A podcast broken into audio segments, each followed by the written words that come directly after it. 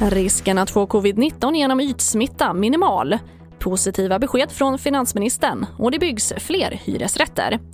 Ja, här är TV4-nyheterna som börjar med att risken att få corona genom att ta på förorenade ytor är minimal, det visar nya siffror. Enligt amerikanska smittskyddsmyndigheten CDC handlar det om en risk som är mindre än en promille. Covid sprids i stort sett genom eh, droppsmitta eh, Eh, genom att man, man, är nära en person som, som kanske hostar, eh, eh nyser och så vidare fortfarande man, man hävdar att tvätta händerna är viktigt. Även i detta är eh, slutsats att tvätta händerna är en viktig del. För att det är en sak att händer. För att händer kan man nisa, man kan röra i munnen, i ögat och sen... Så det är väldigt viktigt att tvätta händerna fortfarande. Och det sa Ali Mirazimi, forskare på KI.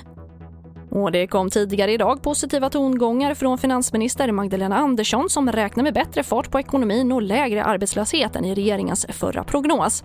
Trots svag tillväxt under 2020 och början av 2021 väntas den enligt ministern stiga och visa rejäl kraft under hösten.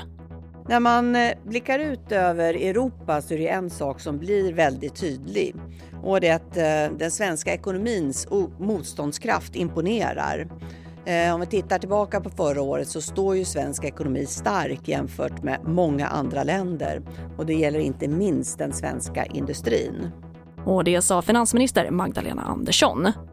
Och vi avslutar med att byggandet av hyresrätter ser ut att kunna få en skjuts av pandemin. Den slutsatsen dras i en ny rapport från fastighetsrådgivarföretaget Svefa som visar att investerarnas efterfrågan av nyproduktion tagit rejäl fart under förra året.